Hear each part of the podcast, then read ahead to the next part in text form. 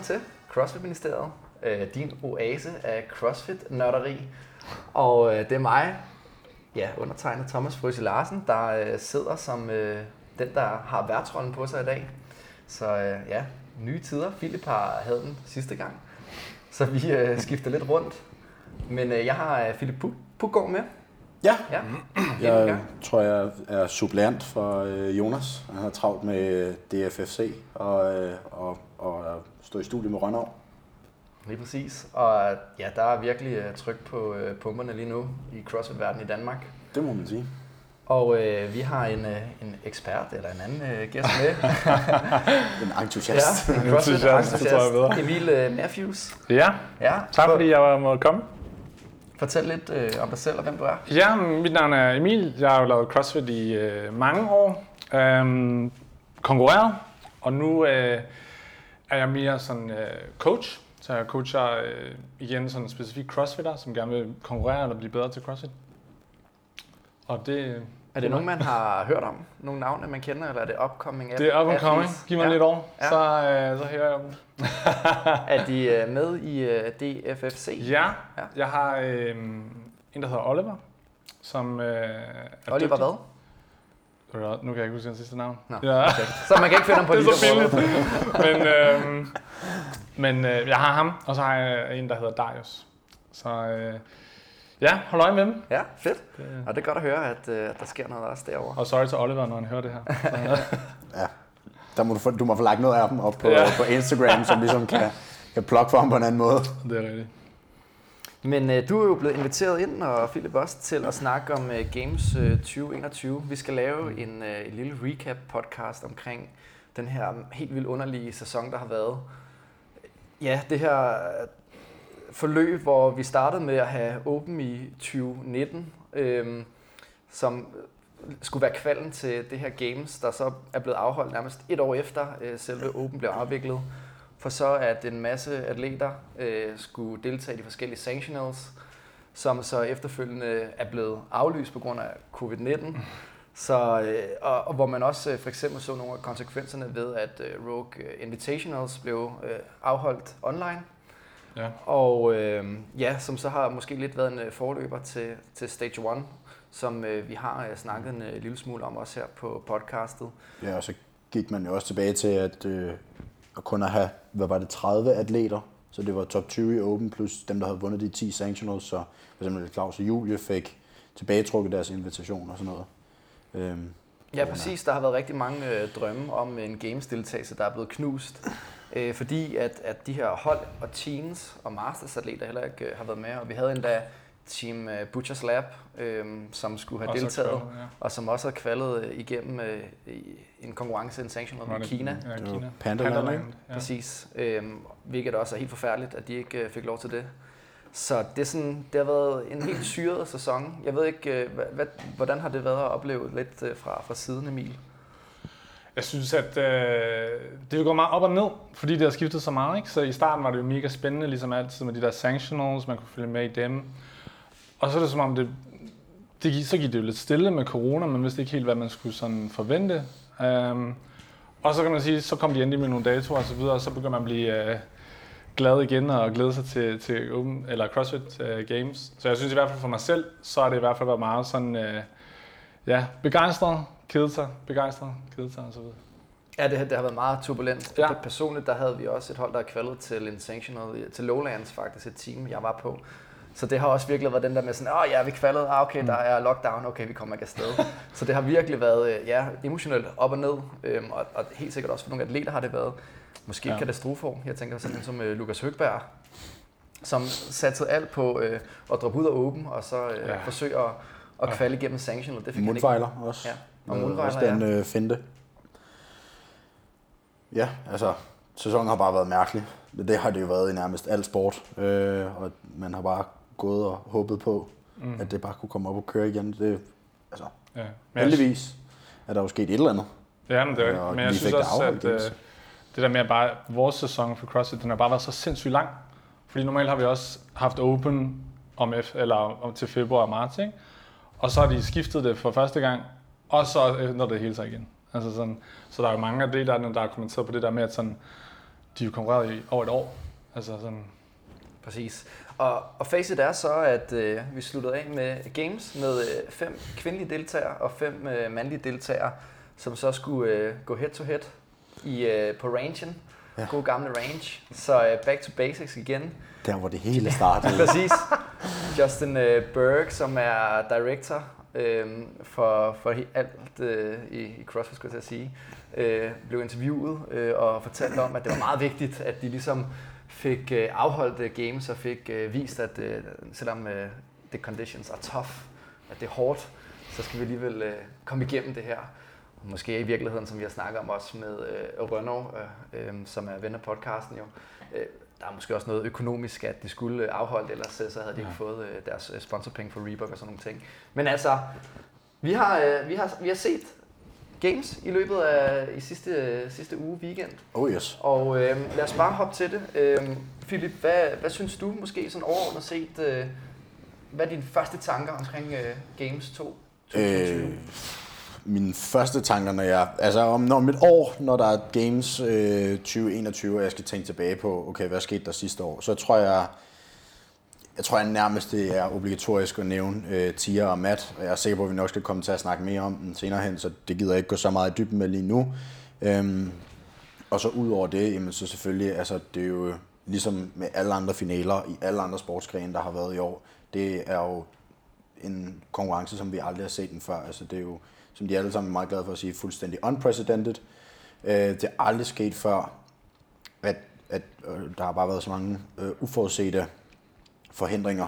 Øh, og jeg tror i virkeligheden, jeg kommer til at tænke tilbage som, at det var så godt, som det kunne blive under omstændighederne. Med de muligheder, de havde, så gjorde de alt, hvad de kunne for at gøre det så godt som muligt. Lad det være så på grund af, at vi bliver nødt til at have en finale, eller vi bliver nødt til at have en finale, fordi ellers så får vi ikke vores penge. Uanset hvad, så fik man jo som fan i hvert fald noget, du ved, man fik en afrunding, og man fik, man fik det, man gerne ville have, et games. Ja, altså fordi sidder I øh, sådan med øh, den følelse af, at når jeg sidder og set det, om det har været den her fornemmelse af, at games, som man normalt ser, den her spænding, og man sidder og kigger og tænker, wow, det, det ligner altså øh, ligesom tennisstadionet, stadionet, hvor de, hvor de laver øh, konkurrencen. Jeg synes, at sådan, øh, det er jo svært, fordi jeg ikke er noget publikum. Og de er jo heller ikke så mange. Men jeg synes, en ting, jeg rigtig tog væk fra det, det var det her med, at jeg synes, at, at det var en succes.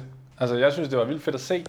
Øhm, og altså, spænding og ikke spænding, altså fordi de var så overlegen, to, øh, altså sådan øh, Matt og Tia. Øh, det er jo noget andet, men jeg synes igen, at det var vildt fedt at se. Og det var altså sådan øh, dejligt, fordi man- jeg, jeg var i hvert fald lidt i tvivl, før de gik i gang om sådan, hvor godt de ville, øh, det ville være, det hele. Ja, for man kan også sige, at de startede med at, at lave den første workout fuldstændig øh, uden musik og uden øh, tilskuer, som sagt, så man kunne måske lige høre nogen, der stod i baggrunden og lige klappede og hudede lidt en gang imellem. Men, men det har virkelig været den her helt øh, døde stemning. Mm. Øh, men på den anden side, så har man jo også siddet på stolen og tænkt, åh, oh, det, er lidt, det er lidt fedt at følge med i det her. Altså, vi har alligevel glædet os til endelig at, at få afviklet det. Ikke? Ja. Jeg synes, jeg synes også, det kunne et eller andet på, øhm, for eksempel et event som CrossFit Total. Jeg synes, det var mega fedt, at der ikke var noget musik. Der var ikke noget larm, og der var ikke noget noget. Så du, altså, der var helt stille, og så, jeg kan huske, jeg tror, det var Noah Olsen, der skulle lave et meget tungt back squat, hvor man sådan ligesom kan høre det der sådan, ja, jeg fik den. Ja, det var baby. også sådan, ja, ja, baby.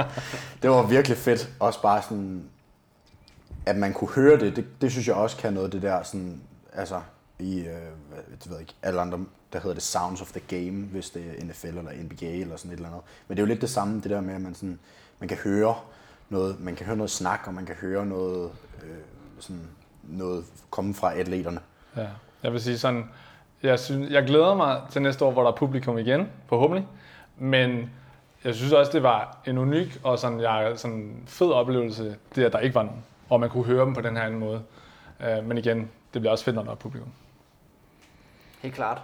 Og, øh, og det, som atleterne har været igennem i løbet af de tre dage, som øh, det er blevet afviklet, det er altså øh, 12 forskellige events. Og øh, til alle jer, der sidder og konkurrerer og tænker, puha, sådan en et-dags konkurrence med øh, tre events plus øh, en eventuel finale, synes det er hårdt, så tør jeg næsten ikke tænke på, at den volumen, de øh, Ja. kan holde til. Mm. Men hvad synes I, som, hvis vi kigger på et overordnet billede øh, over, over workouts, kunne I godt lide programmeringen? Jeg synes, du skal starte Emil. Det er dig, der er øh, hævet ind som ekspert. Så jeg skubber jeg den over dig. øh, jeg synes, det var fedt. Øh, Jeg synes, der var rigtig meget løb. Men det kan vi altid komme tilbage til. Og så synes jeg, at øh, i hvert fald den første tanke, jeg havde, da jeg så den der Atalanta, det var bare sådan, wow, full retard. Øhm, jeg ved ikke, om man siger det. Men, Nå, øh, det må nå, du er gerne. Du, er, der er, øh, du kan sige lige, hvad du har lyst til. Men øh, ja, så jeg synes, jeg synes det, det var fedt. Udover den sidste, den synes jeg var sådan øh, lidt hul i hovedet. Jamen, altså, det er ikke fordi, vi behøver så øh, dykke ned i, i alle eventsene, men jeg synes godt, vi kan begynde at snakke lidt om øh, måske nogle, nogle specielle oplevelser, vi havde med de forskellige events. For hvis vi tager øh, Stage 1, der synes man jo måske, det var lidt korte events, og det var Mm. øh, meget gymnastisk præget, øh, mens at her, der, øh, der nævner du det her, at der måske er lidt meget løb i, ikke? Ja. Og er det måske noget, vi skal vende os til? Vi har jo set det i mange år efterhånden, men, men hvad kan måske være problemet ved, at der er så meget løb øh, kontra nogle andre ting? Hvad vil du hellere se, der skulle være mere af, Emil? Jeg synes bare sådan, at øh, der må bare gerne være noget mere variation. Altså, de har jo mulighed for så meget, ikke? Altså sådan, så vi har jo set dem løbe. Øh, især den der, hvor de skal lave den der cornsack sprint. Og så senere, dag 3, der skal de lave den der sprint, sled sprint. Jeg synes jo egentlig bare, at det er næsten den samme event. Um, så hvorfor ikke finde på noget andet? Altså sådan, øh, og, og igen, der er jo fire forskellige øks og så videre, så hvis du gerne vil have, at de bruger en eller anden form for kondi-bevægelse, ja, så er det jo lidt sjovere at, se noget andet. Ja, plus at øh, bare for sådan, det der cornsack sprint, synes jeg, ideen er god, den der med, at man skal løbe op ad en bakke med øh, en sæk på, på skulderen. Men det, der skete øh, for mig, da jeg så eventet, det var, at jeg synes, både på, øh, på, på herrenes, men mest på damernes side, det var, at jeg tror, det var Haley Adams eller sådan et eller andet. De skulle op igennem to træer, der står meget, meget tæt, og der kan vidderligt kun gå en igennem ad gangen.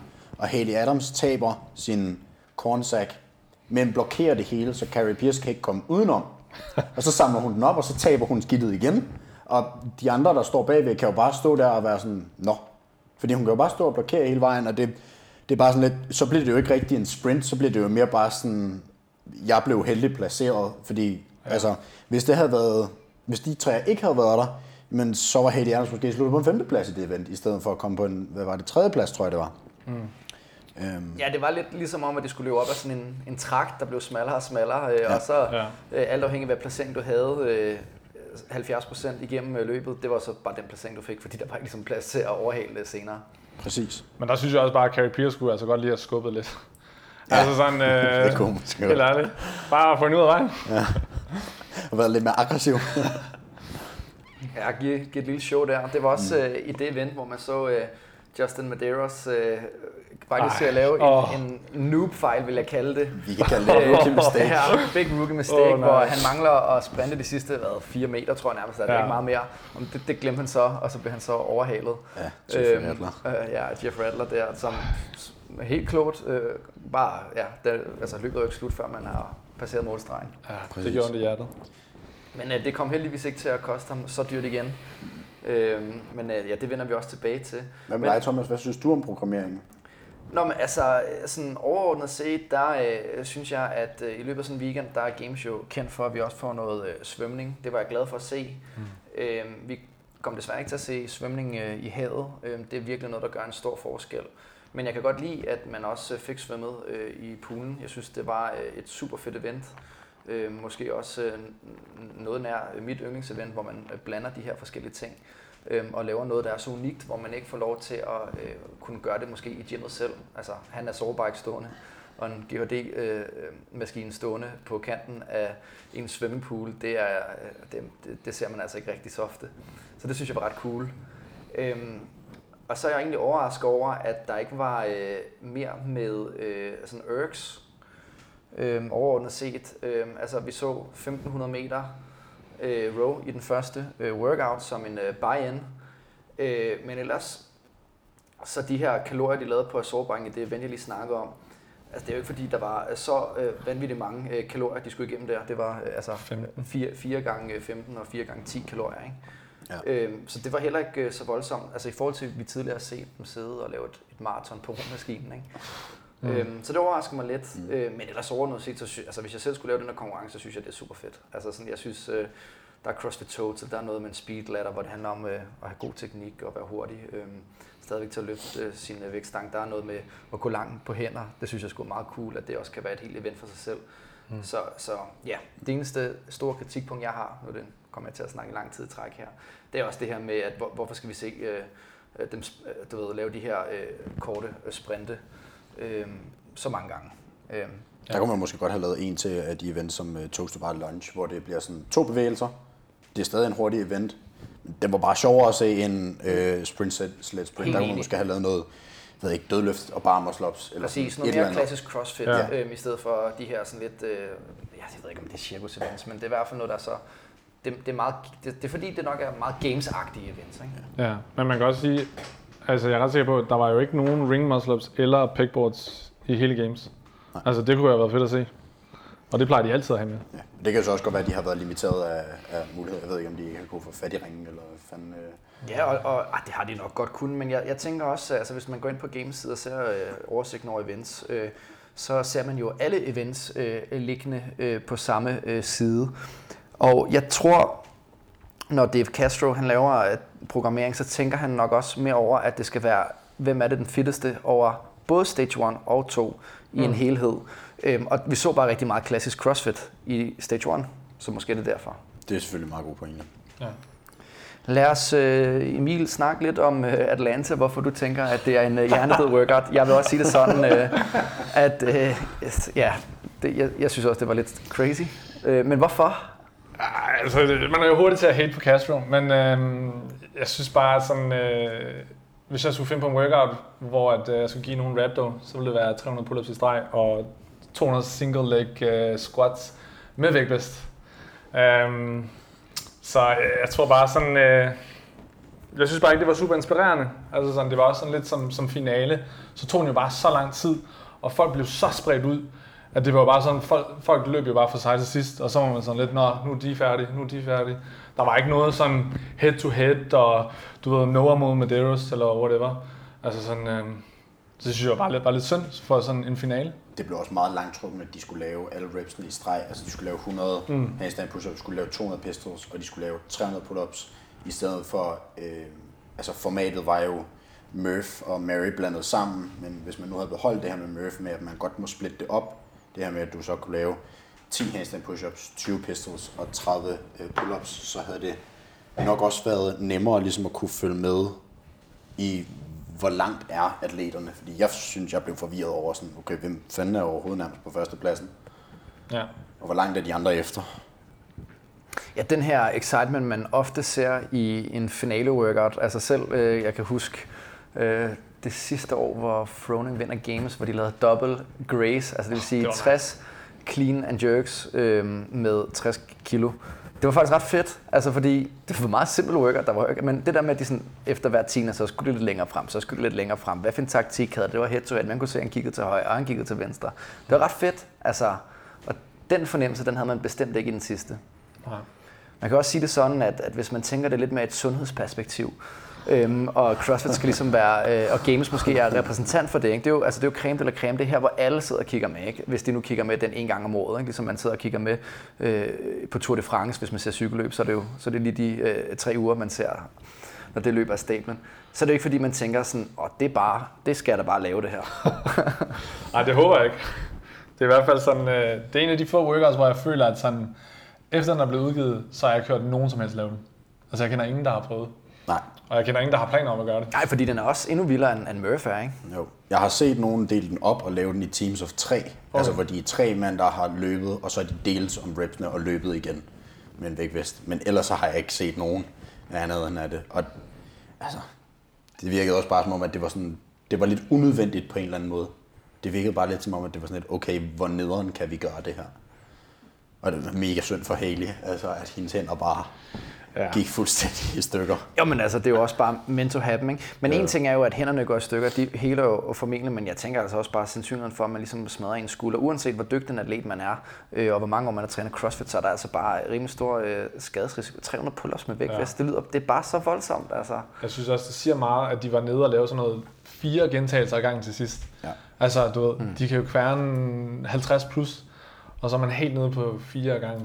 Det, øh, det er muscle failure. Men øh, ja, og, og ja, det, det er, hvad det er, og igen, det er jo CrossFit, øh, når det er, øh, skulle til at sige, værst og bedst på samme tid på en eller anden måde. Det er måske også derfor, man er elvild med det, fordi at vi ligesom flytter grænserne. Men nu nævnte jeg min øh, yndlingsworkout, øh, som var swim and stuff. Er der sådan øh, en workout, I tænker, den her, den, øh, der, det kan noget, den, den vil jeg selv prøve af, eller skal prøve af? Vil du starte, min? Ja, øhm, nu kan jeg ikke sige din, selvom jeg også synes, den var mega fed. Øhm, men ellers så synes jeg faktisk, at den første var, var ret nice. Øhm, både fordi det er jo en, man godt kan lave her sådan, i sit eget gym, og så synes jeg bare, at øh, det var bare fedt at se folk fejle i deres shoulder to overhead. Altså sådan, du ved, normalt kan de bare kværne dem afsted, og der var jo mange, selv Fraser og Tia, der når øh, sidste runde, og så, øh, så, så begynder det bare at gå galt. Øhm, og der er jo dem, men der er jo også øhm, Brooke Wells, der går fra jeg ved ikke, anden, tredje plads til, til sidste plads i, i løbet af tre gentagelser, som hun bare ikke kan få Det, det synes jeg var fedt at se. Det synes jeg, altså jeg er meget enig. Øhm, det var en rigtig, rigtig, det var et rigtig fedt event, og jeg synes, det var fedt, de havde taget det der 2007-format, og så bare opdateret det til, altså, hvad kan man sige, 2020 øh, standards. Øhm, jeg tror, hvis jeg skulle lave, prøve at lave en workout selv, som jeg ville synes var sjov, øh, så er det nok toast to bare lunges. Også fordi jeg kan huske, øh, nu er det ikke lang tid siden, men jeg husker, øh, at da jeg sad og så det, så jeg så det live, og jeg tænkte, da jeg sad og så herren, tænkte jeg, nu, der, nu æder han Noah Olsen. Jeg kunne bare se Matt Fraser, han kom bare stille og roligt, og åd ham bare. Øhm, men det, jeg synes var aller sjovest at se det, for mig, det var øh, Snatch Breed Triple. Men det er ikke en, jeg har tænkt mig at prøve selv, og det er udelukkende den årsag, så tog jeg på ingen måde snatche. Øhm, men det synes jeg var rigtig sjovt at se, også fordi det ligesom inden da, der var blevet hypet lidt op, fordi det var den, som, hvor Jeffrey Adler ligesom har sagt, den kommer jeg til at tage den her. Ja. Og så var der altså sådan lidt, okay, hvad siger Matt til det? Og så smadrede han bare det hele. Ja, der havde jeg lidt under Adler. Altså, øh, når man allerede fejler den i anden runde. Sådan, øh, Ja, det er det her med, at øh, atleterne skulle øh, lave øh, tre forskellige øh, vægte i snatch speed ladderen.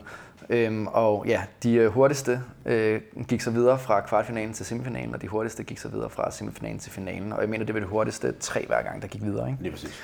Øhm, og der er bare øh, store, altså alle, alle de her atleter her, de kan jo formentlig løfte øh, den sidste vægt, som er på 285 pund øh, for herrerne og 185 for kvinderne.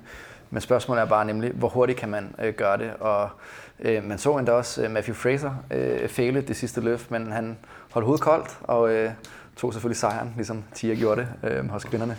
Ja. Ja, det var virkelig fedt. Han kigger lidt til højre en gang og var sådan, okay, Adler træder frem til barnet nu, jeg skal løfte, inden han løfter første gang. Ja. Og så satte han den. Men det er sjovt, at øh, vi alle tre nævner på en eller anden måde de her klassiske CrossFit workers, det er ligesom dem, der kan noget. Øh, I hvert fald, øh, hvis vi selv skulle øh, vælge tre og lave vores egen lille konkurrence, og så øh, fyre den af. Men hvorfor er det, I tror, at, at de her sådan sprint events, at det er sgu sjældent, at de er med i toppen øh, på folks hitlister, men de skal stadigvæk fucking være der, og de skal stadig øh, være, øh, et, ja, i hvert fald tre stykker af dem, ikke? Jeg tror, det, jeg tror måske, det har et eller andet at gøre med, med hvorfor det er, at man godt kan lide CrossFit. Altså, jeg tror ikke, jeg startede ikke til CrossFit i sin tid, fordi jeg synes løb var fedt. Nej. Øhm, og jeg tror, jeg har det sådan, altså sprint, sled, sprint, jeg forstår godt ideen med workouten, men det er ikke det, jeg synes er den fedeste event. Hvis jeg vil se nogen løbe mega hurtigt, det er noget nærmest med hvert år, ikke? så tror jeg, jeg går på YouTube og finder Usain Bolt. Øh, hvis jeg vil se nogen lave alt muligt forskellige dødløft, snatch, ring muscle ups og gøre en, et mix af det hele, så er det CrossFit, man kigger mod. Og derfor jeg tror, at folk bliver ved med at synes, at de her events er, er mega fede. Ligesom sidste år, da Matt skulle indhente Noah, og det var nogle hvad var det, burpees to rings og toes to rings eller et eller andet, øh, hvor det også bare var sådan, det var meget, udover at det var til ringe, så var det meget klassisk CrossFit, som det var også det, der var sjovt at se. Ja, jeg tror også, ja. Det der med, man kan jo relatere til det, ikke? Altså sådan, øh, når man står på WOD, og er i gang med at ro og prøve at lave en barmarslop, så, og så man tænker på, at, øh, hvad det er, de kan lave. Og så tror jeg samtidig sådan, altså jeg tænker, på ingen tidspunkt har jeg lyst til at hive en sandsæk frem og prøve at løbe, øh, løbe 320 meter op af en, øh, hvad hedder det, et bjerg, eller ikke et bjerg, men øh, så hurtigt som jeg kan. Det tror jeg bare ender med at kaste op af. Så vil jeg hellere øh, lave noget, jeg synes er lidt sjovere. Der er en, vi faktisk ikke øh, har nævnt af workout, som øh, jeg synes er den sidste, vi lige skal prøve at, at snakke bare en lille smule om. Mm. Det er den her øh, bike repeater. Kunne det noget for jer, at du skulle lave de her 10 runder, hvor de, øh, øh, de, ser, altså, du ved, de skulle cykle rundt øh, på en mountainbike øh, på en græsplæne, for så lave øh, et legless øh, rope climb hver gang? Øh, Jeg synes, det var er, er, det meget fedt? Er det fedt? Ja. Jeg synes faktisk, det var meget sjovt. Ja, jeg synes, det var, jeg synes, det var vildt sjovt. Jeg havde virkelig glædet mig til at se det. Jeg var sådan lidt nervøs, fordi de har haft de her events med cykler før, hvor kæden falder af. Så jeg hele vejen igennem var jeg sådan lidt, og altså sådan, det håber jeg virkelig ikke sker, fordi det er jo super træls. Øhm, men jeg synes, det var virkelig sjovt at se. Og også det der med sådan Fraser og øh, Adler til sidst, hvor at man bare kan se, at Fraser har bare det der next, next level. Altså han har bare det der ekstra gear, ikke?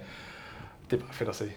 Ja, altså, og, altså det sjove er jo personligt, der synes jeg jo, det ser, på en eller anden måde, så ser det helt vildt dumt ud, når de cykler rundt der på den der lidt sjove mountainbike Ja, med ja. deres øh, cykelhjelm og øh, i deres shorts og laver rope climbs og hopper af. På den anden side, det var et fucking fedt race at se uh, Matthew, hvordan han, du ved, uh, var, var det langsommere uh, på, uh, til at lave ja. Sine rope climbs.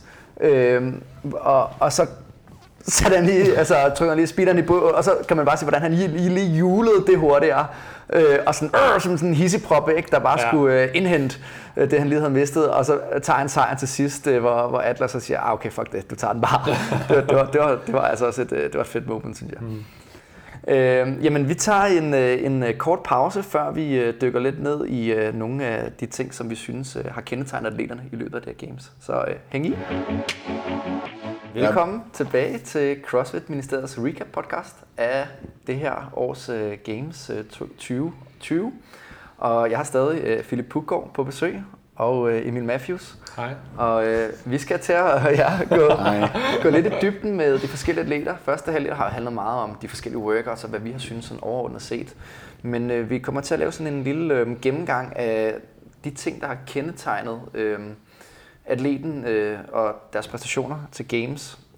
Og vi starter øh, på kvindesiden. Brooke Wells, hun øh, altså kommer ind, skulle jeg sige, med, øh, eller nu siger jeg det jo, med 525 point, og et godt stykke øh, fra fjerdepladsen, hele Adams med 560. Er der et tidspunkt eller øh, ja, en happening, hvor I kommer til at tænke på, det definerer hendes øh, games?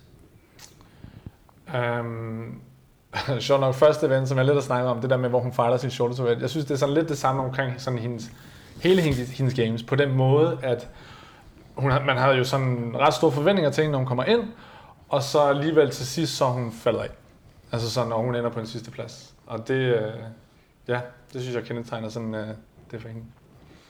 Øhm, ja, altså, øhm, jeg er enig i forhold til øjeblikket, at jeg synes det her, øh, den her 2007 Reload, hvor hun ligesom dumper ned på en femteplads, den er meget sigende. Øhm, og jeg synes også, at bike repeateren, hvor hun nærmest bliver overhældet med en hel runde af, at Sia Claire, er meget sigende for hendes præstationer. Det er også sådan lidt, jeg kan ikke finde ud af, om det overrasker mig, eller om det er et udtryk for, at Altså, jeg, har, jeg synes i hvert fald, jeg synes hun gjorde det faktisk respektabelt gennem de fleste af eventsene, men der er bare, det er bare ikke faldet ud til hendes, hendes fordel, og jeg tror lidt, at hun er gået ind med en, med en mentalitet om, at, sådan, at nu er vi her, og nu kan vi lige så godt bare prøve at, at gå efter øh, gå efter guldet. Altså sådan, du ved, Ja. i den her CrossFit Total, hvor hun pressede Toomey i det her 2007 repeater, øh, øh, repeater, hvor hun, eller reload hedder det, hvor hun går fra en anden tredjeplads ned til en femteplads, fordi hun bare, altså too hot out the gates nærmest laver en, ja, i mangler bedre, Noah, bedre udtryk, øh, end Noah Olsen. øhm, og, og så er det som om, at det ligesom bare går lidt ned ad bakke derfra, altså sådan bike repeater, en, en fjerdeplads, Happy Star, øh, nu skal bike repeater en femteplads, Happy Star fjerdeplads, øh, swim stuff fjerdeplads, det er som om, at det sådan, det daler bare lidt efter, lidt efter lidt. Ja, hun havde i hvert fald bare nogle events, hvor hun faldt helt igennem. Mm. Altså var det ikke Atlanta? Atalanta, hvor Den der kommer cykel ja, hvor man bare var sådan, ja, hun var jo slet ikke med. Ja, simpelthen at, at bundniveauet det er, det er for lavt. Øh, Fordi hun får faktisk et øh, enkelt event win, og det er i øh, handstand sprinten. Øh, som hun vinder med et par sekunder ned til Carissa Pierce. Og der havde man måske forventet, at hun ville tage sejren i den. Hun er i hvert fald rigtig dygtig til at, øh, al gymnastik. Øh, Ja, eller Catherine. eller Catherine for den sags skyld, som øh, overraskende øh, bliver øh, på en fjerdeplads i, i den workout. Men, men uanset hvad, så, øh, så er bundniveauet for lavt for hende i top 5 feltet. Det er det, man skal huske på. Mm. På den anden side, så kan man jo også sige, at hun har jo gået efter det. Øhm, og, og, og det er jo fedt at se, når atleterne går efter det, men ja, den her omgang har det i hvert fald ikke øh, faldet ud til hendes fordel. Det, det vil være, godt nok være synd at sige. Øhm, men det kan også være, fordi de kun er fem, at så er det bare, man bare meget hurtigere exposed. Altså man bliver meget hurtigt. Det, det er svært at gemme sig, når Ja. kun er fem. Altså hvis man kommer på en syvende plads ud af 30, så er der jo ikke nogen, der kæmper sig af det. Men hvis man kommer på en femte plads ud af fem, så er det lige pludselig bare sådan, okay, hvad skete der? Ja. Ja, det, det må virkelig være, være stramt, når man lige pludselig står øh, helt alene på gulvet. Ikke? Altså mm. i, i den første workout reload, der øh, færdiggør hun den på 15, øh, 45, og nummer 4, Carton, bliver altså færdig på 15-16. Øhm, så, så det, det er lang tid at, øh, at, at stå alene, samtidig med, at alle de andre så også er færdige under 14 minutter. Ikke? Så, Eller i Atalanta, hvor hun står syv minutter alene på gulvet, Ja. udover Samuel Quant. Øh, men står som den sidste kvinde. Så måske var det hende, der skulle have spirit øh, op the weekend, og ikke Katrin, for, for ikke at give op og komme igennem, fordi det er ikke sjovt at stå der alene. Nej. Men, øh, men jeg kendetegnet for hendes weekend, det var øh, øh, ja, for måske for lavt et, et bundniveau. Mm. Øh, vi går videre til Haley Adams, vores øh, 19-årige komet teenage atlet. Ja. Og ja, 560 point får hun. Hun slutter altså ikke mere end 25 point øh, fra Carrie Pierce med 585 point. Så det var altså ikke meget, der skilte det med. Øhm, og ja, altså man kan nærmest sige, at det var, det var sidste workout, der, der afgjorde det. Det kan vi så vende tilbage til øh, for, for Carissas øh, moment måske. Men, men hvad tænker I om Haley? Jeg synes, at øh, sådan simpelthen sagt, jeg synes, hun har brug for at blive stærkere, men når hun gør, watch out. Altså sådan, øh, hun klarer det jo mega godt i alle de andre ting, synes jeg. Og ja, altså det, og det kommer nok. Altså, hun skal nok blive stærkere. Det er Jeg, jo det. jeg må indrømme, at efter jeg har set, øh, set games i år, jeg er fuldstændig blown away af, hvor god hun er til at tage hendes alder i betragtning. Altså hun er 19, og den Ja. næst yngste er Brooke, der er 25. Altså hun har 6 år på den næst yngste atlet. Hvor stærk kan hun ikke nå at blive i løbet af 6 år? Og det er at slutte nummer 4 in the world. Og det er ikke sådan, det ikke bare er fluk, Altså sådan, hun kommer anden plads i 2007 reload. Hun har en tredje plads i handstand sprint, en tredje plads i cornsack sprint, anden plads i bike repeater, anden plads i svømning. Det er som om, at det, sådan, at det så ser ud for mig som om, at det bliver hende, der tager tronen efter, øh, efter Tia. Det kan godt være, at der lige er et enkelt år eller to, hvor der er nogen, der lige kan klemme sig ind, men det, det er godt nok vildt. Ja. Jeg føler også, det er det her, år, hvor folk nu er sådan, okay, hun er legit. Fordi jeg føler, at sidste år, der kom hun jo også med i top 10, som er super imponerende, men folk var lidt sådan, ah, cuts, og du ved, hun er heldig i de rigtige events. Hvor det her år, så har folk været nødt til at være sådan, okay, hun kan godt. Altså sådan, hun fortjener at være der.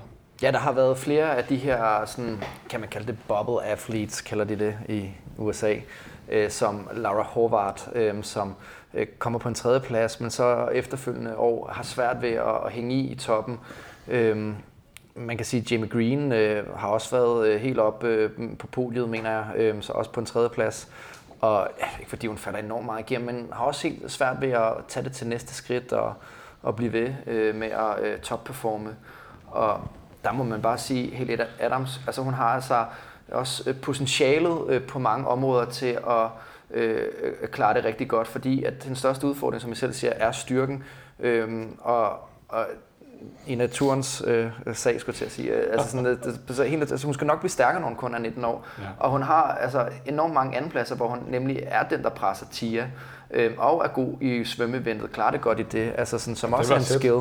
Ja. Øhm, og klarer det fint i, øhm, i, i, i, løb, øh, løbeevents og sådan nogle ting. Så altså, hun har bare nogle ting, der er virkelig, virkelig godt.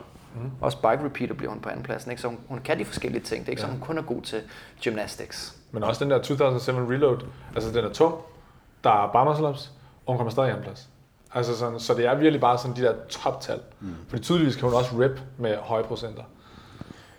Ja, og så er hun øh, godt nok en del af det rigtige miljø. Altså hun træner jo med, med, med Mayhem, med Rich Froning og, og alle, alle dem, der har været rigtig, rigtig gode. Og hun har også det rigtige mindset. Øh, Jeg læste, øh, eller det vurderer jeg i hvert fald, øh, jeg læste på bagkant for et par dage siden, at øh, efter day one, der øh, er hun, hun får nærmest ikke noget søvn natten til day 2, og kan ikke holde nogen væsker eller noget mad inden, eller noget som helst, og altså går stadig bare ud ved dag 2 og sådan, altså får, er det ikke, hun får måske det vent win, eller i hvert fald en anden plads i løbet af dag 2.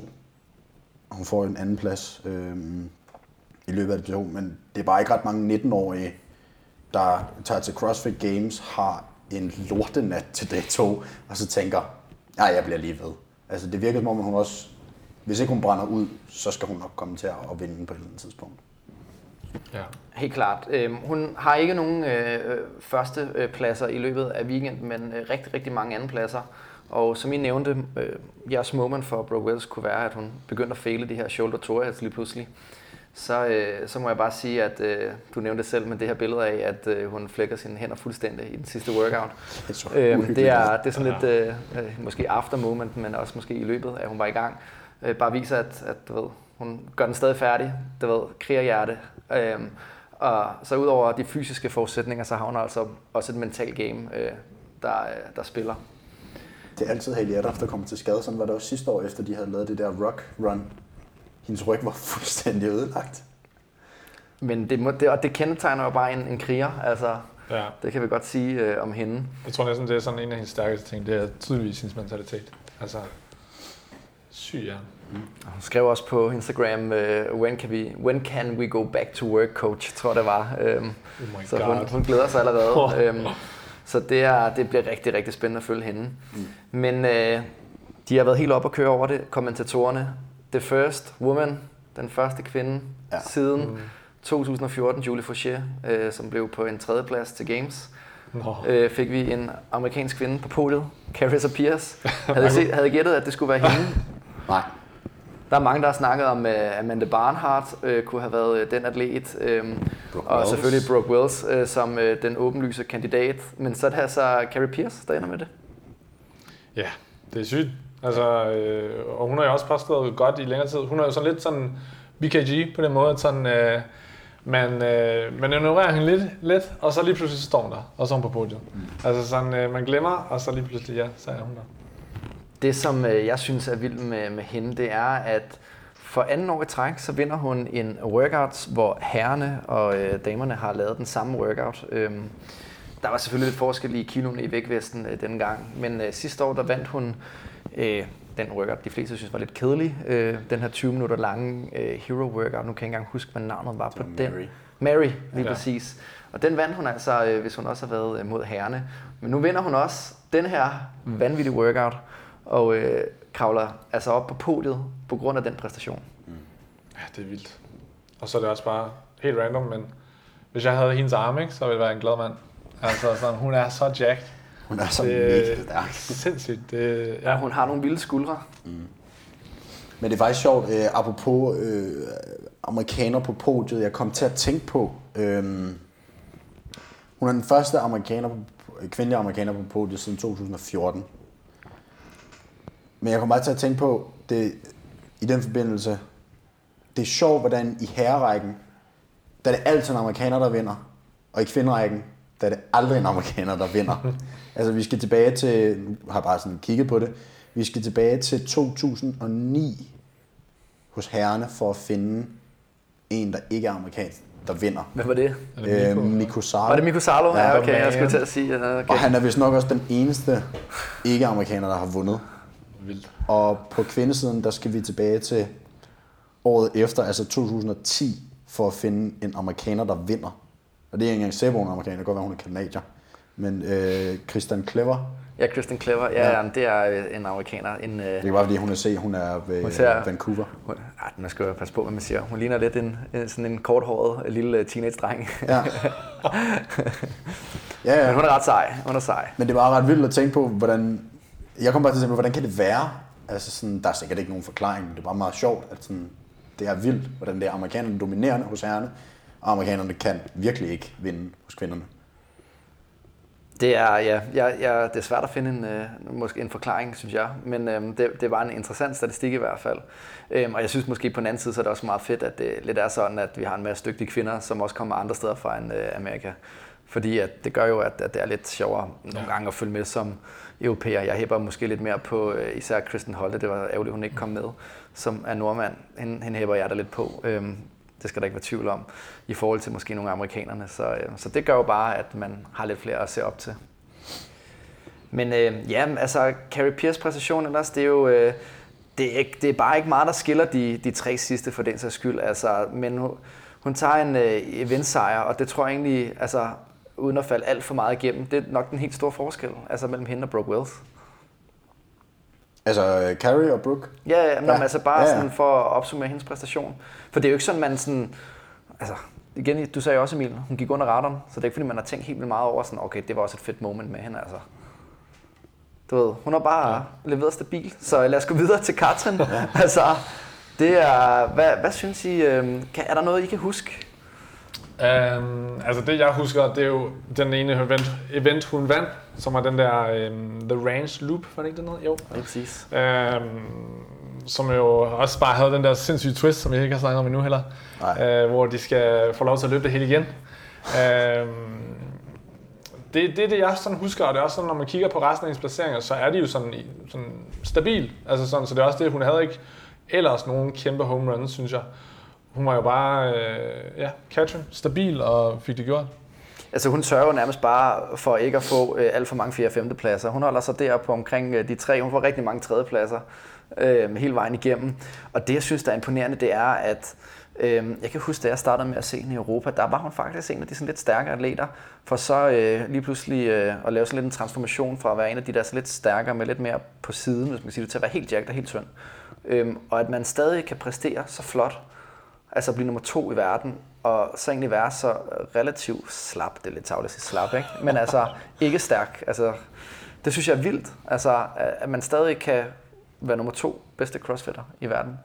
Ja. Så det er altså lidt et shout-out ud til dem, der mm. synes, det, det er unfair, at man har svært ved at bygge styrke, og øhm, du ved, man kan fandme komme langt på ikke at, Altså på at have det rigtige mindset og på at have nogle skills og nogle kompetencer ja. i gymnastikken og øh, være god til at løbe. Altså. Ja, men man glemmer også nogle gange, altså der er jo typisk kun hvad? Et, max to øh, styrke-events. Ja. Det er jo, øh, og det er jo det, der er sexy, men mm. det, der vinder, det er jo kondien og gymnastikken. Præcis. Jeg synes også, at i år har det været for mig meget Katrins øh, historie, at hun er måske sluttet bedre, end hun er startet. Altså sådan, det er ikke, fordi hun har haft en, et, noget sådan horribelt stage 2, men alligevel første dagen en fjerdeplads, så er der en anden plads på contact spirit, så er der en femteplads og en fjerdeplads. Så det er alligevel nede i bunden, og hvis vi kigger på de sidste events, så er det tredje, tredje, anden plads. Og nu sad jeg og så den der øh, Atalanta Live, øh, og da Carrie Pierce løber afsted på den sidste runde, der tror jeg, at Katrin hun mangler 10-12 pull-ups. Og jeg tror, hvis Katrin havde manglet 5-6 pull-ups, så tror jeg, hun havde vundet det event, fordi så, så æder hun sig selv, og hun æder Carrie Pierce på det løb. Men fordi at Carrie når så langt foran, at Katrin ikke kan se hende på løbet, så, så, så må hun nøjes i anførselstegn med, med en anden plads. Men det virker bare som om, hun slutter altid virkelig stærkt. Ja, og, og, ja som, og det er rigtig godt opsummeret. Det gjorde hun nemlig også som i Stage 1. Øhm, så det er, ja, det er bare imponerende, at hun ender øh, der igen, og nu også har en, en anden plads. Så hun har altså både et par førstepladser og en, en anden og en tredje plads til samlingen. Det er consistent, må man sige. Ja, det er nice. Vi runder af med uh, Tia Claire Toomey. Er der et sted, hvor det her det var bare det moment, eller var det bare så alt dominerende, at der var, ja, alle hendes sejre var moments? Jeg synes jo næsten, og det er så synd, men jeg synes, når man er så dominant, ikke? det man lægger mærke til, det er, når de taber. Ja. Altså sådan, du, den, der, den jeg kommer til at tænke på, det er sådan uh, The Range Loop, hvor at, uh, hun kommer ind i første plads, for at vide, at hun skulle løbe tilbage. Og så, ja, nu skal jeg ikke sige, hvad der sker, men det ligner bare, at uh, hun, uh, ja, pusen går ud, og uh, så ender hun på tredje plads. Men, uh, men jeg skal slet ikke tage noget væk, og hun er et kæmpe jern. Øhm, og det er jo bare synd, at man er så god, at man kun øh, kan huske, når hun fejler. Ja. Jeg tror, øh, enten... Jeg synes, der er noget... Øh, jeg synes, Atalanta... Altså, ikke fordi hun gjorde noget vildt i Atalanta, fordi hun ender bare på en tredjeplads. Men taget tanken af, hvor god hun har været igennem hele weekenden, så tror jeg, at hun fulgte Mads pace. Jeg tror ikke, hun var særlig anstrengt. Jeg tror, hun havde smadret de der piger, hvis det handlede om, at hun skulle på en førsteplads. Og det var bare sådan, på en eller anden måde var det bare så overlænt, det der med sådan, prøv at jeg behøver ikke, jeg skal bare følges med mat. I kan bare, altså hygge jer, slås om andenpladsen. Jeg har vundet. Og det står bare sådan klar for mig, men udover det, så jeg er Emil, jeg synes, det er en god pointe, det der med, når man er så god, så bliver der kun langt mærke til, når man ikke vinder.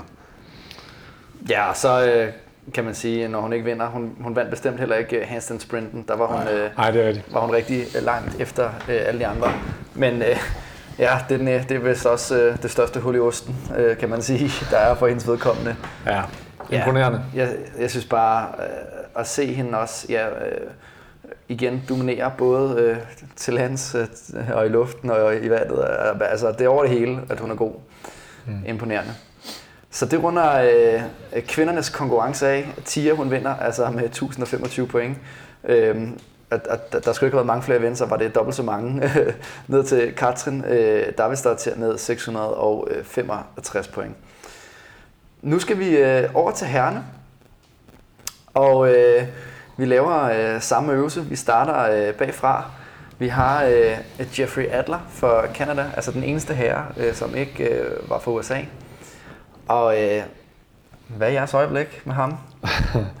jeg tror, øh, nu ved jeg godt, at vi snakker om Jeffrey Adler, men når jeg kigger på ham, og øh, så det eneste, jeg kan tænke, det er det der event win, win han fik øh, i CrossFit Total, hvor at, øh, det egentlig var fordi, at Mats øh, manager ikke kan finde ud af at øh, slå nogle, øh, nogle tal sammen. Øhm, ja.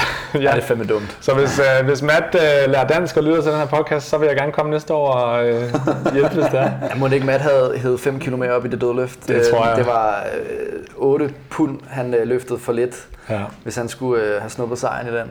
Ja, det, øh, Eller i hvert fald lavet en tie. Mm. Så 5 km mere, så havde den sejr været hjemme i hvert fald. Ja, det er sygt. Men ellers så synes jeg, at... Øh, øh, ellers synes jeg, det var det der, øh, hvad hedder det, med cyklen. Det synes jeg var fedt. Altså sådan, at han var så hurtigt op ad de der ræb. Det var sådan, altså han tog jo sådan helt øh, to meter ad gangen. Altså det var virkelig imponerende at se. Jeg tror for mig, der er det øh, mellem, jeg tror det er inden bike repeater eller sådan et eller andet. Eller også er det inden swimming stuff, eller sådan eller hvor han så slutter på femtepladsen, men lad nu det lægge. Øhm, hvor han ligesom, de står alle sammen og er på vej til at skulle gå i gang med eventet, eller finde deres plads. Og så som om der er en eller anden faldende i voldskæde, der, hvor han står og råber sådan eller med sådan, vi kan kraftedeme ikke lade ham vinde dem alle sammen. Altså sådan, hvor han prøver sådan, ligesom at gejle folk op, og sådan, det kan ikke være rigtigt, at Matt vinder alting. Nu må vi gøre et eller andet. Så må vi spænde ben for ham, eller sådan et eller andet. Men det synes jeg bare var meget sådan, var meget fedt, at der endelig var nogen, der bragte den der sådan, det skal fandme være løgn-agtigt. Ja, han slår mig også øh, som, øh, udover Matthew, som er klart måske den største alfan, men det er man jo lidt, når man er så overlegen. Der slår han mig lidt som en macho man. Altså, du ved, sådan, står der og snakker lidt lækker fransk, ikke? Altså, øh, med sin coach der, du ved, og smiler og ser lidt smart ud, ikke? Øhm, jeg synes nogle gange, at det, er, det, det kan blive lidt for meget, men på den anden side, så, så giver det fandme også noget lir, ikke? og det var også det moment øh, for mig under den her CrossFit Total, hvor han, du ved, altså er lidt kæk, ikke? og du ved, øh, sikkert en fysik at have som, øh, 26-årig. Øh, altså, han er stadig ikke særlig gammel, vel, ja. og er åndssvagt stærk. Ikke? Og han lavede jo flere PR's under uh, CrossFit Total også. Mm. Også han lige pointerer i den der uh, interview efter, at uh, Nå ja, han gjorde det også lige uden bælte og uden knæbind. Det skulle folk lige Ja, det er rigtigt. Han skulle lige, han hævde lige op i trøjen og viste ja. uh, sin uh, ret uh, voldsomme sixpack. Mm. Det er faktisk ret sindssygt. Det, det var ret, ret imponerende. Ja, det, det er faktisk et ret godt moment, det der Emil. Men uh, han ender altså uh, som uh, rosinen i pølseenden med 505 øh, point. Og øh, så har vi Noah Olsen på fjerdepladsen med 540 point. Og han øh, slutter altså ikke mere end 20 øh, point efter tredjepladsen. Og hvad er der at sige øh, om hans øh, games i år? Han var måske øh, det, det helt store håb i forhold til at, at drille Fraser. Ja. Yeah. Eller var han? Jeg tror, Noah vendte tilbage til den Noah, vi kendte fra, fra to år siden og før. Øhm, Sidste år var det sådan lidt, okay, hvad skete der der? Blev han lige voksen? Øh, og, og fandt ud af, at han, hvis han lige tweakede på nogle ting, så kunne han faktisk rent, rent faktisk godt konkurrere med, med Fraser. Og så var det som om, at så kom han i år, og så lavede han, altså, øh, så var han tilbage til, hvad man kender, hvor nogle gange så, der, han samler bare mere på 4. og 5. pladser, end han samler på 1. og 2. pladser. Og det akkumulerer jo bare ud til en 4. plads nogle gange, og nogle gange en tredje plads, men sjældent mere. Ja, ja, ja. Jeg er også sådan lidt... Øh, øh, på en måde sådan lidt ondt af ham, fordi at det der var så mange forventninger til ham, og jeg tror også, han havde mange forventninger til sig selv. Og jeg tror, at øh, altså for de fleste andre havde, så havde fjerdeplads været rigtig fedt. Øh, men jeg tror for ham, så er det bare en, øh, været en dårlig weekend. Altså han øh, lagde et øh, billede op på Instagram også nogle uger inden, hvor han tror ikke var gået i spasmer, øh, og han har haft nogle udfordringer der, så der har måske også været øh, noget skade, der kunne påvirke hans præstation. Fordi igen, hans største udfordring, det er jo også det her med, at han er sådan lidt øh, inconsistent på en eller anden måde. Altså, øh, man ved jo, at han har det i sig på en eller anden altså sådan, og, og for mit, mit moment, der kendetegner den her weekend, det er den her toast to bar lunch, hvor han også altså, misser sejren øh, hvor det bliver sådan, ah, lige, ned, lige ved og næsten igen. Og øh, tager han sejren i den, så har han altså 25 point mere, og 25 point mere har gjort, at han har vundet.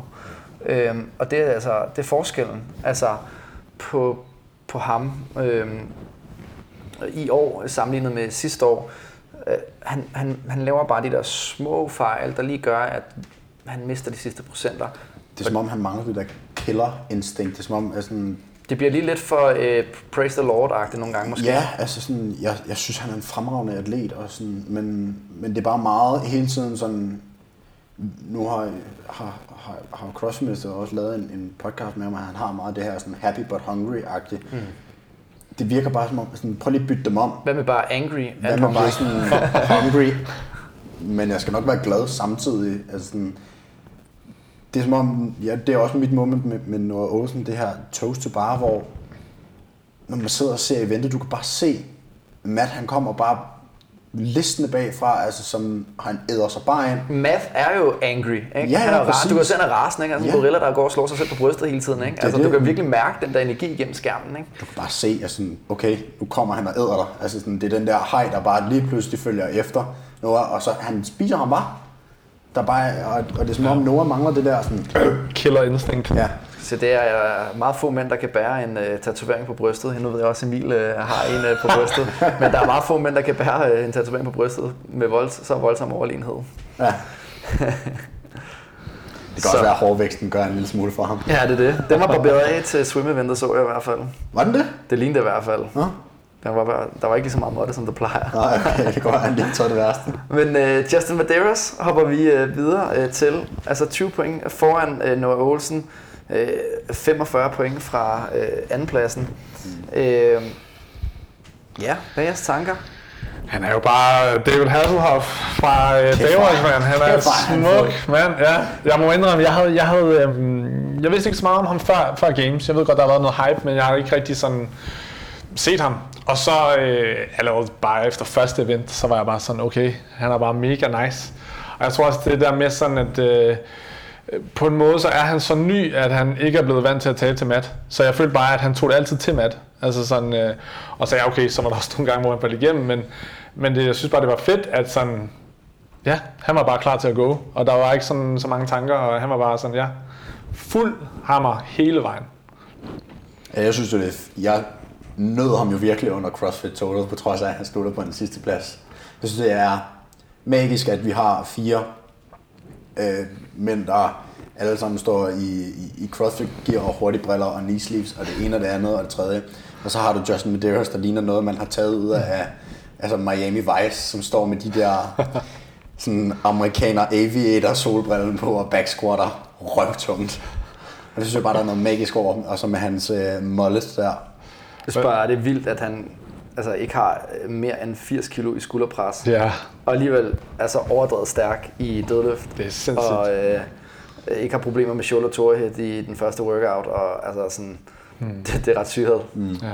Og så tror jeg også, hans uh, lifting face, det er altså noget specielt.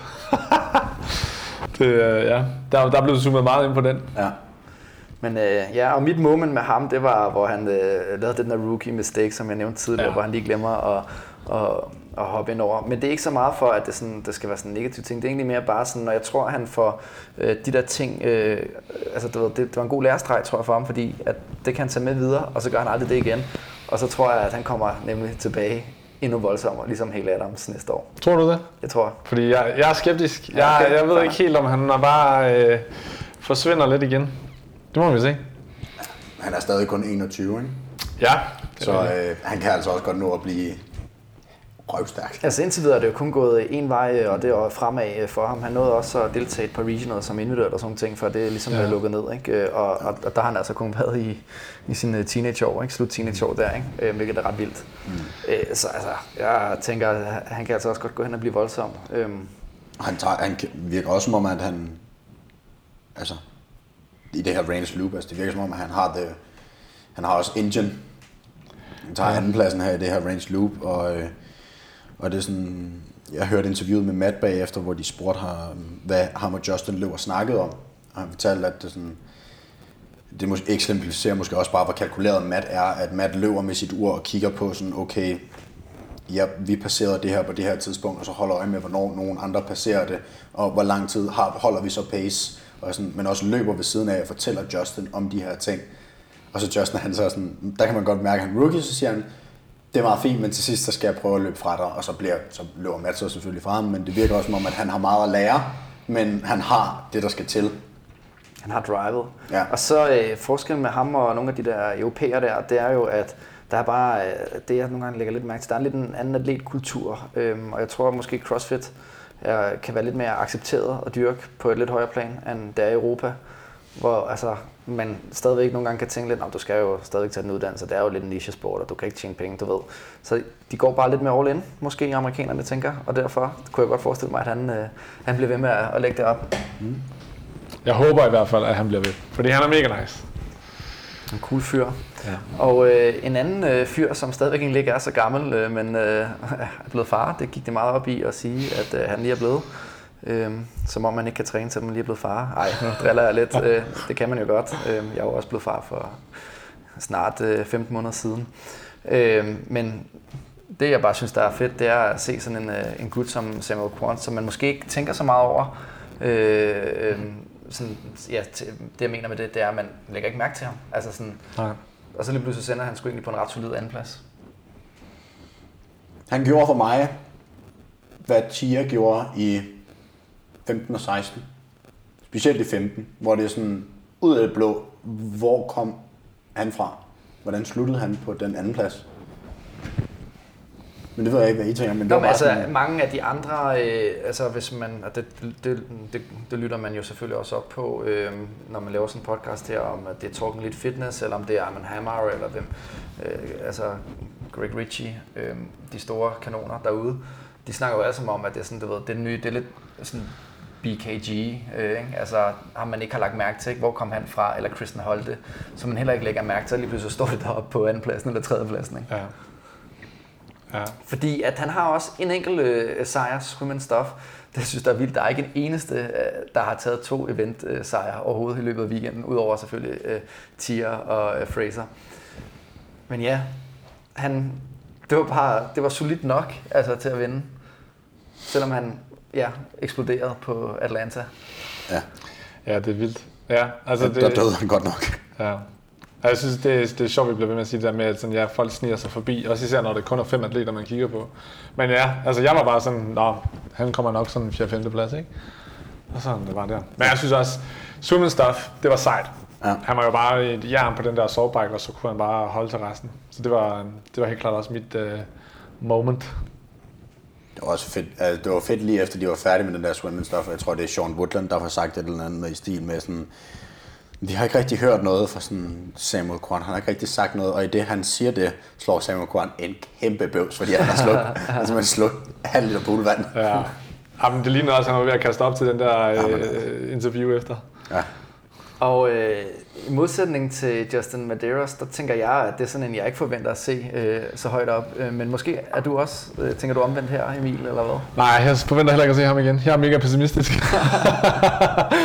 øhm, ja, jeg ved det ikke. Altså, det er jo så svært at sige, ikke? Men igen... Øhm, ja, vi sidder og kigger ind i uh, krystalkuglen her. Ja, det er nogle gange meget det. sjovt, og så kan man lytte til sit eget podcast om et år, ja. og så se, hvor meget man har fejlet. Der var man ikke så klog.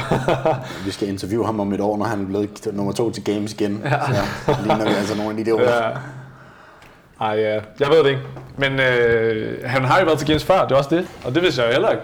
Altså sådan, så det kan være, at øh, vi ser ham til Games igen, og så nogle gange, så synes jeg også, at det er det der med sådan, lige pludselig, når nogen atleter gør det godt til games, så er det som om, så bliver de ved med det. Ja.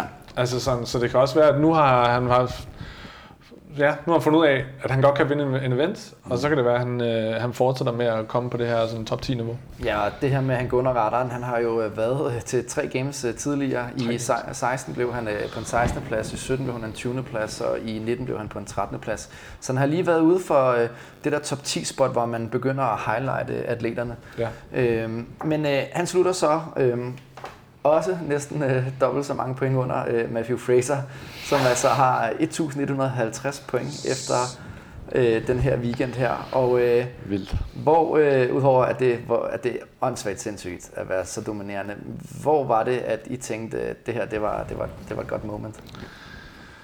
Vil du starte? Øh, snatch beat triple.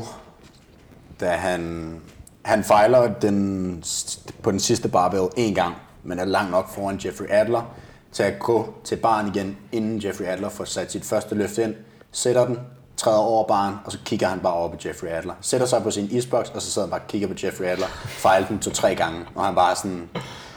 Jeg tror lige inden Det var payback fra uh, Total der. Det, jeg tror også bare, det var fordi, at det, det var ligesom det event, hvor Jeffrey Adler har været sådan, det, det kommer jeg til at vinde det event. Og så, nej, det gør du ikke. Sæt dig ned. Øhm, det, det, synes jeg var virkelig fedt. Øh, jeg kan også godt lide, når, når, øh, når dem, der er rigtig gode, bare dominerer og laver den der, hvad jeg tror det var Pat Sherwood, der sagde det i Thrown in dokumentaren, den der med sådan, I træner med mig, vi træner ikke sammen. I, jeg giver jer lov til at være med her. Det synes jeg var virkelig fedt. Ja, jeg tror, jeg har ikke sådan en, jeg har mere sådan flere events, hvor man bare igen har kunne se det der med, at sådan Matt har det der next level. Altså både i den der Happy Star, hvor man bare kunne se på de der burpees, han lavede, han var bare meget hurtigere end de andre. Altså bike repeater, hvor at, øh, han bare øh, igen på sidste runde stikker helt af. Toast bar lunge, hvor alle de andre de sænker farten, og han går kun hurtigere. Altså sådan, så der er ikke sådan en event, det er mere bare det der med, hvor imponerende det er at se nogen, der virkelig bare er på et andet niveau. Altså sådan. Der var et tidspunkt, hvor øh, Ja, han, jeg synes, han var tæt. Det var, det var, ikke, det var ikke langt fra, at Dave Castro fik øh, ham lidt ud af balance, men det var der, hvor han sagde, at de skulle vende om på den der range loop der, hvor han sådan siger, øh, hvor, hvor han nemlig giver ham fingeren og siger sådan lidt, fuck you, eller noget ja. stil, ikke? Ja. Og, og Castro siger, I'm not joking, og du ved, sådan, og Medeiros, okay, han begynder bare at løbe med, med det samme, og, mm. og, og, der skal han lige sådan, du ved, omstille sig og tænke ind i hovedet, okay, altså der, der troede jeg godt, at, der tror jeg godt, at Dave, han vidste, at han kan provokere øh, Fraser en lille smule. Men han vandt bare Men stadig. han vandt stadigvæk nemlig, og det ja. var det der med, du ved, i stedet for at være happy and humble, ikke? Altså, du ved, så er han bare angry and hungry, ikke? Ja. Altså, der, der er han bare, altså fuck det, så bruger jeg bare den der vildskab der, mm. og nu bliver jeg sur, nu rækker fingeren, så, du ved, så må jeg bruge det til at vinde alligevel. Det synes jeg var imponerende, for han gik ikke i stå, i modsætning til hvad Tia gjorde. Ja, præcis. Øhm, og jeg synes også bare, hvis man kigger på hele det her års games, nu har vi lavet Stage 1 recap, så det skal vi ikke gå for meget i dybden med, men det er altså bare vildt at se, at man igennem, hvad havde vi, syv events i Stage 1 og 13 i Stage 2. Så det, 12 i Stage 2. 12 i Stage 2, så det er 19 events. Men igennem 19 events, der er hans laveste placering en 8. plads i 1000 meter row i Stage ja. 1. Udover det, så har han en 4. plads og en anden plads, ellers så vinder han nærmest alt. Altså han vinder alting. Og det er bare vildt, øh, at man kan dominere så meget. Han, jeg læste en eller anden statistik om, at man kunne vinde 300, lad os sige 380.000, tror jeg det var. Maksimum, hvis man vandt alle events i Stage 2 og Games i sig selv. Og han gik derfra med 7.000 mindre, end hvad maksimum var. Det er vildt. Det er bare så sindssygt. Altså det, der er imponerende, det er jo, at man altid brokker sig lidt over sådan, ah, men jeg er lille, så derfor kan jeg ikke finde noget ro, eller jeg er lav, så dårligt dårlig til wallballs, eller du ved. Altså man har de der sådan ting, man tænker, nu har jeg nogle svagheder, eller ah, men jeg er heller ikke, øh, du ved, jeg er rigtig stærk, så jeg er også dårlig til at løbe, eller sådan noget. Men han, er jo, han vinder jo løb. Altså sådan, han er stadig god til at svømme også. Altså, det er sådan, han er også god på assaultbiken. Altså, der, det, det, det er så overdrevet sindssygt. Han er, altså, han er også i toppen i total, og i virkeligheden er han også god, han er også god teknisk der. Det, det, det er så sindssygt, fordi jeg synes hver gang i min træning, når jeg begynder at løbe lidt mere, fordi nu tænker jeg, nu vil jeg gerne lige prøve at komme under 20 minutter en femmer igen, ikke? og det er jo ingenting i forhold til, hvad de kan. Ah, og så rører min tal, de styrtdykker bare, ikke? Og så omvendt så tænker jeg, nu, nu vil jeg gerne lige op og snatch 110 igen. Og så bliver jeg bare dårlig til at løbe, ikke? Altså, og han er bare god til det hele. Altså sådan overdrevet god. Det synes jeg er så vildt. Ja. Ja. Jeg tænker at sikkert også, du har prøvet det samme, Emil, i perioder, ikke? hvor man går lidt op i væg, eller lidt op i, ned i væg for at prøve det ene og der, du ved. Ja, det er i hvert fald bare specielt. Øh, jeg kan huske til den der Stage 1, hvor der er sådan en lille mini-dokumentar, hvor han siger sådan, du ved, andre folk, øh, de gider ikke arbejde på deres svagheder. Jeg nakker bare mine, indtil de øh, har en styrke, ikke? Hvor at sådan, det er jo fair. Mm. Men det vil jeg da også gerne gøre, hvis jeg kunne, men hver gang jeg prøver, så, ja, så er der altid en eller anden trade-off. Det, det er imponerende, at han kan få alt til at rykke sig opad. Altså sådan, Præcis, han, det, han er jo ikke faldet fra på den på sin tal, altså sådan i, i snatch. Eller sådan, Ej, han sætter P'erne stadig. Det er det, og altså, altså, der er jo også mange, der snakker om, at nå, men, uh, han er 30, sådan, uh, the first athlete in the 30 to win uh, games. Ikke? Ja. Altså sådan, åh, oh, nu kæft, mand. Det er jo bare, altså, jeg tror meget mere, det er mentalt, end det er fysisk, det der med, at man bliver 30 eller 31. Ja. Fordi det er jo det, vi kan snakke om nu til at runde den her podcast dag. Ikke? Altså, altså, tænker vi, at den her dominans vil fortsætte de næste 3-4 år? Eller øh, hvad er jeres tanker om det? Jeg tror, han vinder, indtil han vælger at stoppe. Altså sådan, øh, jeg tror, at vi ser aldrig noget så dominant som det her igen, tror jeg. Fordi at på, en, altså på den måde, at han har fået så mange førstepladser. Fordi jeg synes, at det her med, at de kun er fem, det har jo sådan gjort, at der var ingen af de specialister, der plejer at være til games, som plejer at vinde de der events. Matt kommer altid top 5. Men, men han, det er ikke altid, han vinder, fordi der er jo bare specialister. Men han var imod fire andre generalister, der kom igennem stage 1, ikke? Og det er derfor, og han er jo den ultimative generalist. Så derfor vandt han bare med alle. Men jeg er ikke i, i tvivl om, at øh, han kommer til at, at vinde, øh, indtil han bare vælger at stoppe. Også især fordi sidste år var der jo masser af spørgsmål omkring, åh, nu kommer Noah, og så er det som om det her år, så er han bare sådan, ja, okay, lad os, nu, nu viser jeg lige. Jamen, jeg, øh, jeg er sådan set enig. Altså, jeg, jeg tror også, i hvert fald, altså hvis han gider, hvis han kan holde det samme høje niveau, hvis ikke han bliver skadet, hvis ikke øh, lige pludselig, at øh, 30'erne kommer og gør, øh, gør slemme ting med ham, så tror jeg, at han kommer til at vinde en 3-4 stykker nu, hvis han gider at være med så længe.